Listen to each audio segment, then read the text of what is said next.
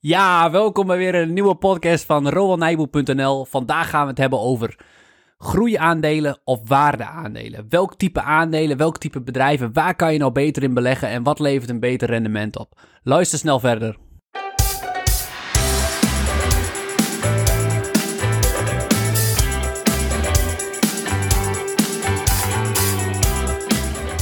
Ja, leuk dat je luistert. Mijn naam is Rowan. En mijn naam is Barbara. Ja, en Barre, vandaag gaan we het hebben over groei versus waarde beleggen.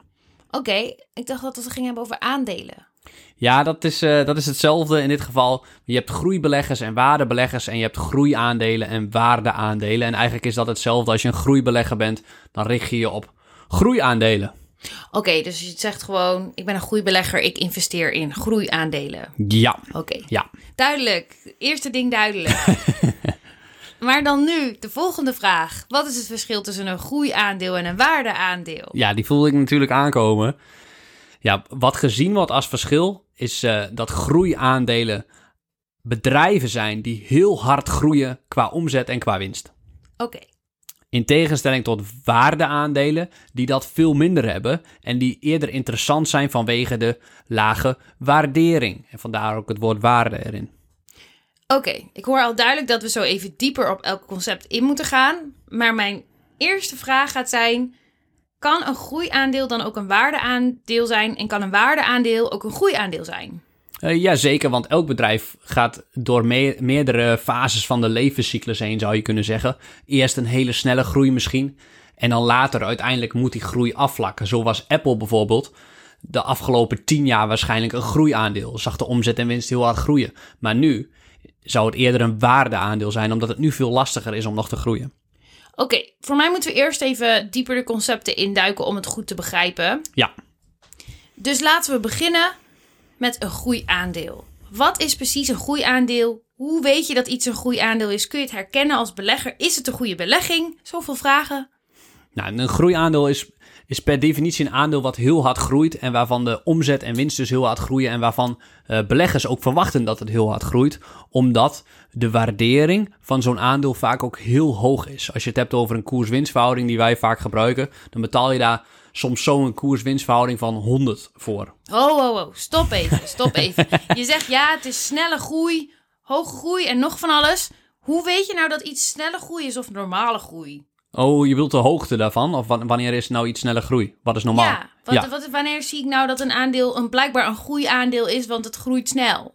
Ja, nou ja, ik- ik zou zeggen alles wat op de, de komende 10 jaar met meer dan 10% per jaar gemiddeld kan groeien, dat dat eerder in de categorie groeiaandelen valt. En je hebt natuurlijk bedrijven die met 20% per jaar weten te groeien, dat zijn dan de extra harde. En je hebt zelfs nog hardere groeiers. En eh, alles daaronder zou je kunnen zeggen, ja, dat, dat is een waardeaandeel als je er zo'n harde maatstaf op wil plakken. Dus 10%. Ja, ja, maar dat is een willekeurig door mij gekozen drempel hoor. Oké, goede disclaimer. Goede Ja, ja, disclaimer. ja, ja, ja. En, en je, wel, je zei daar wel de voorwaarde bij dat je voorziet dat dat bedrijf dat even kan volhouden. Dus niet dat dat nu door omstandigheden een soort toevalstreffer is, waardoor ze dit jaar in één keer 10% extra gaan doen. Maar dat je echt ziet dat dat bijvoorbeeld te maken heeft met een verdienmodel of eh, een innovatie die ze op de markt hebben gebracht, waardoor ze dat voor een langere periode zullen kunnen laten zien. Klasse. Ja, dat ze structureel kunnen blijven groeien. Althans, dat is de verwachting. Kan natuurlijk altijd iets misgaan, maar eh, dat is de verwachting. Goed, en je zei ook iets over de koers-winst verhouding, maar dat is me totaal ontgaan omdat in mijn hoofd nog bezig was met de vraag wat een sneller groei dan Ja, was. ja, ja. ja, ja. Nee, je- we hebben de koers-winstverhouding eerder besproken. Dus hoeveel keer de winst eh, ben je bereid om te betalen? Dat, op die manier kun je een aandeel waarderen. En voor groeiaandelen, die hebben gemiddeld een veel hogere koers-winstverhouding dan waardeaandelen. En we hebben het wel eens gehad dat de gemiddelde koers-winstverhouding van bedrijven op de lange termijn 15 is. Nou, groeiaandelen zitten daar dan ruim boven en waardeaandelen zitten daaronder. En dat, ja, die verschil, dat verschil in waardering is dan weer spiegeld in de, in de koers-winstverhouding. Oké, wat zijn dan bekende voorbeelden van groeiaandelen? Ja, ik denk eh, Netflix bijvoorbeeld. Dat is, de een van, dat is het best presterende aandeel eh, van de grote bedrijven in de afgelopen tien jaar. Alleen die groeien nog steeds als kool. Is het dan nog steeds een groeiaandeel? Ja, ik denk, ik denk voorlopig nog wel, want ze, ze hebben nog vele manieren, vele groeipijlers om aan te trekken om de omzet en eh, winst te, te laten stijgen. Oké, heb je nog meer spannende voorbeelden? Ehm, Nou, je zou Amazon ook nog steeds kunnen zien als een groeiaandeel. Ondanks dat ze al heel groot zijn, groeien ze nog steeds met meer dan 20% per jaar in de omzet. Oké. En je hebt ook hele kleine bedrijfjes, zoals, eh, of nou klein, inmiddels al wat groter, maar biotechnologiebedrijven, zo'n Galapagos in Nederland, een Agen in Nederland, groeien allemaal als kool. Althans, dat is de verwachting. Oké, maar dan de hamvraag. Is het dan een interessante belegging zodra het een groeiaandeel is? Dat kan prima. Dat kan prima, maar dat ligt allemaal aan die groeiverwachtingen. Stel dat bij een bedrijf als Agen de komende 10 jaar een winstgroei van gemiddeld 20% per jaar wordt verwacht door beleggers. Als dat dan lager is dan die 20%, 18%, eh, dan zou het waarschijnlijk geen goede belegging zijn. Pas, pas het- als de verwachtingen overtroffen worden. Waarom is dat dan? Nou, omdat de markt best wel... eh goede vragen stel je, hè? Omdat de markt eigenlijk best wel efficiënt is. Dus we kunnen... eh, We, gaan er, we weten bijna zeker dat Adyen de omzet en winst de komende jaren fors gaat laten stijgen. En de vraag is uiteindelijk of de goede belegging is vanaf dit moment... in welke mate die verwachtingen worden gerealiseerd. Moet ik het dan zo zien dat de efficiënte markt nu eigenlijk zegt: dit is fictief? Disclaimer. Stel ze zeggen Adyen is 20% voor de toekomst. Maar Adyen laat inderdaad maar die 18 of die 17% zien. Dat de beurs dus dan gaat afstraffen. Ja, ja. Want Nou, dan die- zeggen ze ja, dit was te laag. ja, die groeiverwachtingen vallen dan tegen. Even in heel simpel inderdaad gezegd. Zo, eh, zo kan je dat zien, ja. Oké, maar hoe herken ik dan zo'n groeiaandeel? Is dat puur door te kijken naar de omzet? Ja, je zou naar de omzet kunnen kijken. Want Netflix bijvoorbeeld, die groeit heel hard qua omzet. Maar die maakt nu nog heel weinig winst.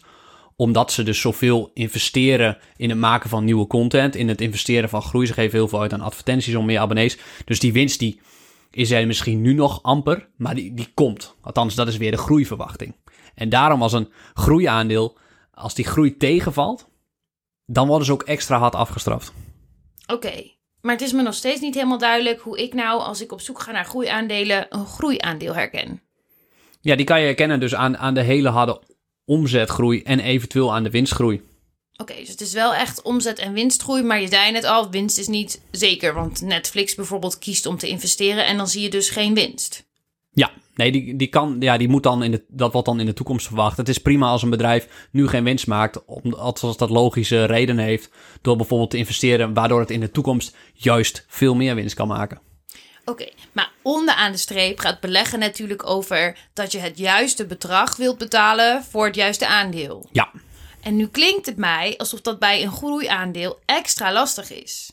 Ja, ik vind, ik vind het zelf extra lastig omdat het in veel eh, grotere mate afhankelijk is van de toekomst. Omdat een heel groot deel van die waarde van dat bedrijf moet nog bewezen worden. En er zijn risico's. We kunnen de toekomst eh, voor een deel misschien voorspellen, maar en, en op de korte termijn vooruit kunnen we het voorspellen. Maar hoe, hoe gaan we over tien jaar bepalen wat de omzet van Netflix op dat moment is? Best wel lastig. Moet je heel wat aannames doen. En dat een kleine afwijking in die aannames, dat kan al. eh, dan, dan kan een belegging tegenvallen. Is het dan een beetje te vergelijken? Van de week hadden we een post op Instagram over de biotechnologie sector. Dat als je eh, hem op tijd ontdekt, dat je daar een soort lot hebt uit de loterij, het winnende lot, dan ga je echt een enorme groei zien. Maar er zitten ook hoge risico's aan. En ja, je moet wel heel kundig zijn om dat te kunnen inschatten. Ja, het maakt het extra moeilijk inderdaad om het in te schatten. Biotechnologiebedrijven, dat zouden bij uitstek groeiaandelen kunnen zijn. Want biotechnologie, de, de mogelijke nieuwe medicijnen op de markt. Als zo'n medicijn uiteindelijk wordt goedgekeurd en de markt opkomt, ja, dan exploderen omzet en winst van dat bedrijf. En dan zal de belegging ook goed zijn. Maar ik zie dat echt, echt als schokken, als speculeren. Vanuit mijn perspectief, omdat ik het niet begrijp. Oké, maar je zei, ik heb wel groeiaandelen in portefeuille. Zeker. Dus niet alle groeiaandelen zijn speculeren. Vind ik niet, vind ik niet. Dat hoop ik in ieder geval niet. Waar houdt dat dan van af? Nou ja, het, het, gaat, het gaat erom om inschatting te maken van de toekomst. En bij een aantal van die groeiaandelen die ik misschien heb, daar komt de groeiverwachting niet uit. En zal dan een slechte belegging zijn. Maar een aantal denk ik dat de markt, de andere beleggers dus, die groeiverwachtingen misschien wel onderschatten. Dat ze nog conservatief zijn. Ja, ja. En dan vind ik de waardering die ik voor die aandelen betaal eigenlijk heel laag. Klinkt alsnog als schokken. Waarom? Omdat je alsnog het risico neemt dat het niet goed komt. Ja, maar daarom, daarom spreid je dus het risico. En uh, ja, beleggen bij elk aandeel gaat om het inschatten van de toekomst. En uh, ja, daarom spreid je in verschillende sectoren, in verschillende, ja, misschien ook tussen groei- en waardeaandelen.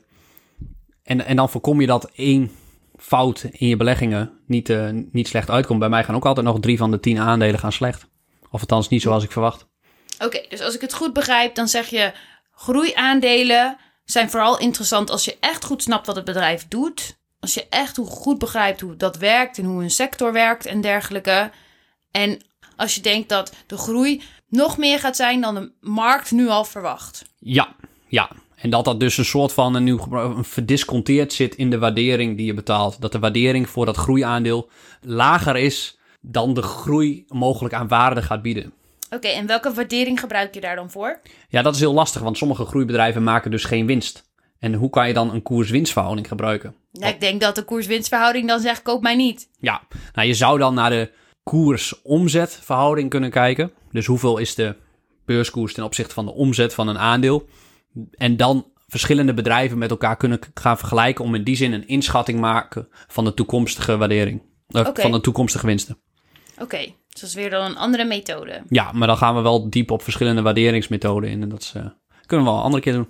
Dat lijkt me een goed idee. Oké. Okay. En dan denk ik dat het nu tijd is om naar je favoriete onderwerp te gaan. Waardebeleggen. Waardebeleggen. Jij bent toch een waardebelegger? Ik, uh, ja, mijn hele identiteit is uh, dat ik een waardebelegger ja, ben. Jij stelt je voor op een feestje en dan zeg je... Ik ben waardebelegger Roam. Ja, ja, ja. Waardebeleggen komt allereerst. Dat is echt mijn identiteit. ja, dat, dat klopt. Uh, ja, eigenlijk is dat... Uh, dat perspectief van, uh, dat moet ik even zeggen, van het, het zit me al een tijdje, zit het me hoog. Dat, dat groei- en waardebeleggen, daar zijn denk ik veel misverstanden over. En het komt oorspronkelijk weg vanuit het wetenschappelijk onderzoek. En dan wordt er onderzoek gedaan naar welk type aandelen presteert gemiddeld nou het beste over de afgelopen 50 jaar. Nou, dan zie je dat waardeaandelen gemiddeld een stuk beter presteren dan groeiaandelen. Ja, en waardeaandelen dus bedrijven met gemiddeld een lage koers-winstverhouding en wat lagere verwachtingen, die presteren beter op de beurs. En hoe kan dat nou? Omdat gewoon, dat heeft alles te maken met verwachtingen. Bijna niemand wil waardeaandelen hebben, want dat zijn vaak de niet zo sexy bedrijven en die wil je niet hebben. Mensen willen liever groeiaandelen hebben en die kopen massaal die groeiaandelen, maar met als gevolg dat die beurskoers zo hoog wordt en daardoor de waardering zo hoog, waardoor het gemiddeld Kijk, ik heb geen idee of Netflix de komende tien jaar een goede belegging gaat zijn. Ik heb wel ideeën over, maar daar gaat het nu niet om. Gemiddeld dat die groeiaandelen niet goed presteren omdat de verwachtingen te hoog zijn. Oké, dus iedereen koopt het en daardoor wordt het allemaal zo bizar hoog. Is dat dan een voorbeeld wat wij wel eens gebruiken van Microsoft? Dat Microsoft uh, volgens mij 2001 tot 2013 zoiets. Wat goed van je, ja. Dat het dat het toen dat niemand het kocht. Ja, ja, toen zat er een, ondanks dat er nog gigantisch veel groei zat, zat er een koers-winstverhouding van 200 op. En Microsoft is de afgelopen 20 jaar qua omzet en winst vrijwel elk jaar in één rechte lijn best wel fors uh, gestegen. Maar ja, op dat moment was de waardering voor dat groeiaandeel te hoog. En groeiaandelen zijn gewoon gemiddeld wat meer gehypte aandelen vaak. Oké, dus zelfs de risiconemers durfden op dat moment niet meer Microsoft, Microsoft te kopen, want het aandeel was zo'n groeiaandeel in die zin. Uh, ja, nou ja, dat weet ik niet in hoeverre de risiconemers, maar op de, de conclusie is dat op dat punt Microsoft, het allersterkste bedrijf ter wereld, waarschijnlijk veel te hoog gewaardeerd was. Ja, en dan in het verlengde daarvan, dat geef ik ook altijd in mijn masterclass mee. Als je het 14 jaar vooruitspoelt naar 2014 voor het aandeel Microsoft, toen zat die op een koers-winstverhouding van 10. En moet je nagaan, het gemiddelde is 15. Dus het allersterkste bedrijf ter wereld heeft een lager dan gemiddelde waardering. En is dan op dat moment een waardeaandeel. Dus Microsoft verschuift over de tijd van een groeiaandeel met een keihoge waardering naar een waardering van een waardeaandeel. En op die koers, ja, hij staat nu inmiddels uh, drie, vier keer zo hoog. Dus nu is het misschien niet meer zo aantrekkelijk. Maar toen was dat echt gigantisch aantrekkelijk. Dan zeg je, dan moet je er als een kippen bij zijn op het moment dat zo'n groeiaandeel een waardeaandeel wordt? Ja, ja, en uh, Apple bijvoorbeeld ook. Stond ook uh, een paar jaar geleden nog op een koers-winstverhouding van 8. Bizar voor zo'n sterk bedrijf. En vaak komt dat erdoor doordat een tijdje bijvoorbeeld bij Microsoft dan uh, management was niet goed. Mensen dachten dat de groei eruit was, dat de cultuur in het bedrijf slecht was. En dan, dan loopt die waardering eruit omdat het bedrijf niet meer zo geliefd is bij beleggers. Ja, en dan, dat valt vaak wel mee, want het bedrijf is gewoon hartstikke sterk en kan prima overleven en zelfs hard groeien. Ja, jij hebt altijd zo'n uitspraak over dat je een goed bedrijf moet hebben. En dan kan zelfs een idioot aan het stuur staan, zoiets. Ja, bij Microsoft maakt het denk ik niet zoveel uit wie de CEO is. Elke idioot kan dat bedrijf aansturen. En stel dat hij een paar domme beslissingen neemt, dan wordt hij gewoon ontslagen door de aandeelhouders en krijg je nieuwe. Oké, uiteindelijk lijkt me dat niet makkelijk om een aandeel te vinden dat van een groeiaandeel naar een waardeaandeel gaat. En het lijkt me dat elke belegger dat aan het doen is, dat aan het zoeken is. Ja, en in die zin is de markt dus weer heel efficiënt. En dat is ook, dat is ook best wel een uitdaging. Maar als je goed blijft kijken, genoeg stenen optilt om te kijken of daar wat interessants onder ligt, dan denk ik zeker dat daar uh, goede deals te vinden zijn. Zeg je nu eigenlijk dat je de hele dag stenen aan het optillen bent? Ik ben ook zo gespierd, hè? Houd je goed bezig terwijl de sportschool dicht is. Nee, van beleggen word je, niet, uh, word je alles behalve gespierd. Een beetje zo'n Quasimodo-look, hoe zeg je dat? ja, ik heb een sixpack in mijn ogen. Wat? Van nature naar het beeldscherm. Krijg je toch vierkante ogen? Oh ja, vierkante ogen, dat is het. Ja, ja, ja. ja. Niks geen sixpack, nee. Wat nee, een onzin nee. weer. Oké. Nee, maar kijk, ik ben, ik ben een waarde... Kijk, uiteindelijk geloof ik, en hier is het misverstand denk ik in de, in de wereld vanuit de wetenschap gekomen tussen groei en waardebeleggen. Maar ik denk dat elke verstandige belegger is een waardebelegger. Anders zou je niet aan beleggen moeten doen. Anders ben je aan het speculeren. Want waardebeleggen, dat doe je. Je wil het aandeel kopen voor minder dan dat het waard is. Dus als beurskoers 10 en de waarde volgens jou, de intrinsieke waarde noemen beleggers dat, 20, ja, goede deal. Want dan gaat hij uiteindelijk wel naar die waarde toe. Ja. Het is wel lastig om die waarde te bepalen natuurlijk, maar uiteindelijk elke vorm van intelligent beleggen is naar mijn idee waarde beleggen. En groeiaandelen, zij, ik, ik heb ook groeiaandelen. Waardebeleggers kopen juist heel vaak groeiaandelen, omdat de verwachtingen van die groeiaandelen misschien op dat specifieke bedrijf nog te laag zijn ingeschat. En dan kunnen dat juist hele interessante beleggingen zijn. Maar begrijp ik dan ook echt goed dat sommige groeiaandelen gewoon de, op dat moment ook al waardeaandelen zijn?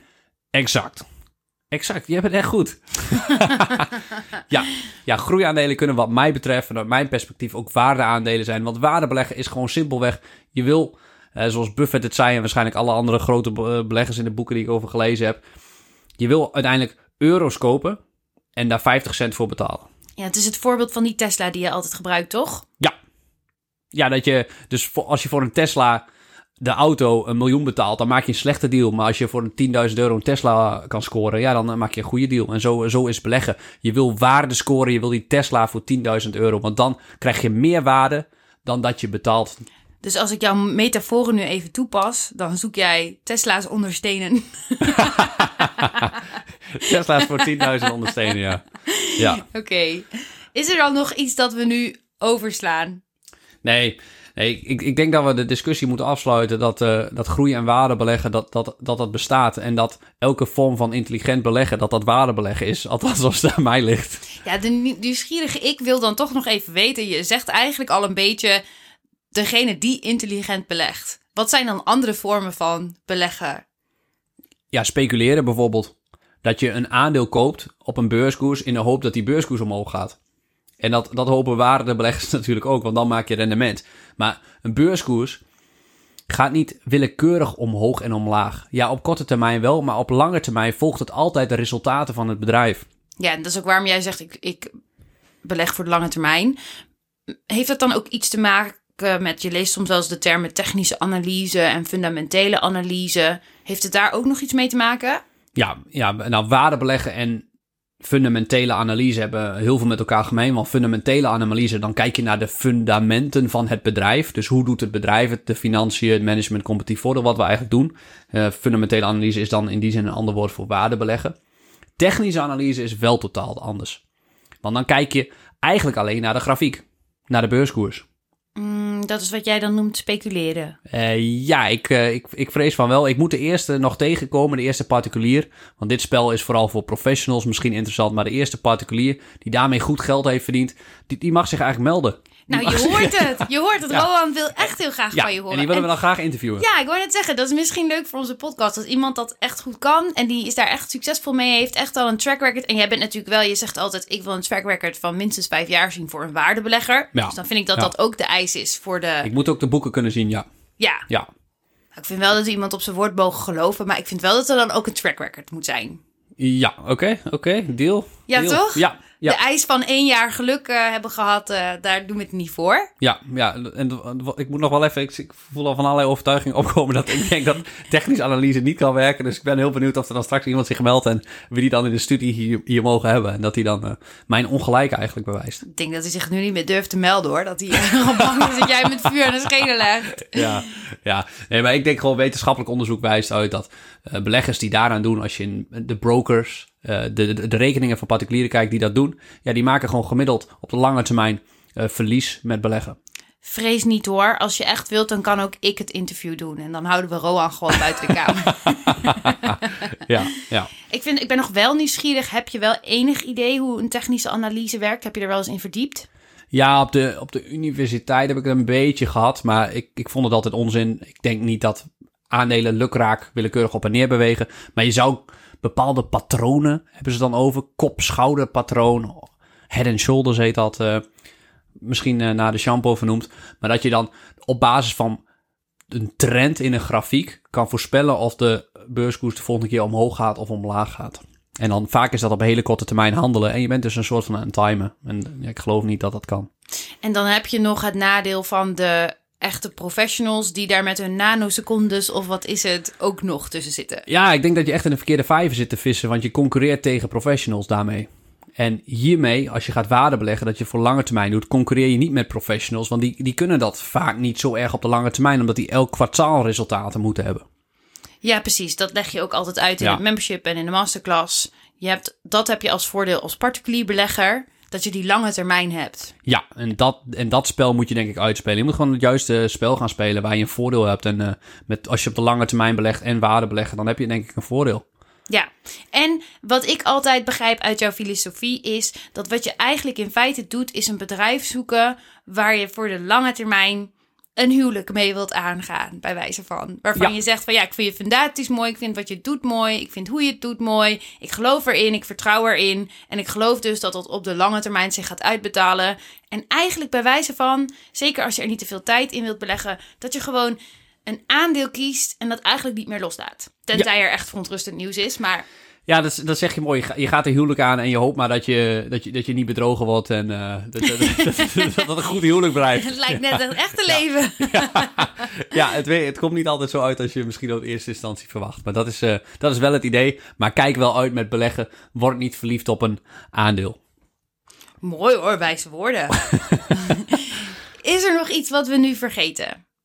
Ik heb nog wel een vraag. Ben, ben jij ook een waardebelegger? Ben ik een waardebelegger? Nou, ik denk. eh, Kijk uit, hè? Ja. Mag ik vrij spreken?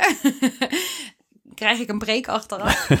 nou, kijk, ik zou eerder aangetrokken zijn tot korte termijn dingen. Want ik ben gewoon wel een beetje meer Ja. korte termijn gericht dan jij. Maar dat maakt ons ook een leuk duo, denk ik. Ja, zeker. Dus ehm, ik heb wel, ik vind het wel, ik, ik snap die aantrekking die mensen hebben tot een beetje die spanning en sensatie ook wel. Ja. En ik snap dat dat lange termijn en ik zie dat nooit zo voor me. En ja, heb ik ook met andere dingen in mijn leven. Dat ik het gewoon lastiger vind om verder dan een jaar vooruit te kijken. En dan denk ik, dan kan mijn leven alweer heel anders zijn. Ja, dat, dat verplaatst zich ook een beetje op aandelen. Ja. Maar goed, ik besef me wel dat als je het gaat doen, dat je het beter goed kan doen. Ja, ja ik, vind, ik vind het mooi dat je het zegt, want met waarde beleggen, da, daar word je rijk mee, maar dat gaat heel langzaam. Heel langzaam. Het is nooit snel rijk worden. En dat maakt het heel onaantrekkelijk voor heel veel mensen. En dat maakt gelijk, dat is de reden waarom het werkt. Omdat veel mensen niet op die manier willen beleggen.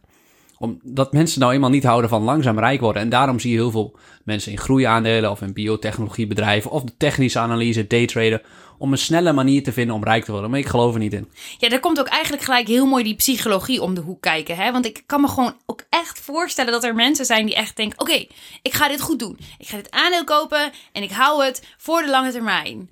Maar dan komt er een andere mooie kant voorbij en daar hebben mensen het dan over. En dan denkt diegene: ah, ik wil die kans ook. Ik wil hem ook grijpen. En dan toch dat ene aandeel weer verkopen. Misschien niet met het rendement nog dat je had gehoopt of verwacht. Of eh, misschien moet je dan zelfs net wel dat je eigenlijk nog net geen rendement hebt behaald verkopen. Ja. Om dan die andere kans te grijpen. Want die wil je ook niet missen. Ja, Ik kan me echt voorstellen hoor. Dus eh, ik snap het echt als mensen dat eh, lastig vinden. Of dat daar toch voor gaan. dat snap ik helemaal. Ja. En je zou ook een deel van je portefeuille dat, dat, dat, de, die adrenaline kunnen zoeken, zeg maar. Ja, dat stel dat je 100.000 euro belegt, dat je zegt eh, voor 10.000 doe ik wat ik wil. En die andere die zet ik veilig en netjes weg. Ja, ja dan heb je toch je, je, je speel, eh, speelgeld. Speel. En dan is het ook gewoon speelgeld. Ja, en dan mag het ook allemaal eh, kapot. Heb je dat ooit wel gedaan of geprobeerd?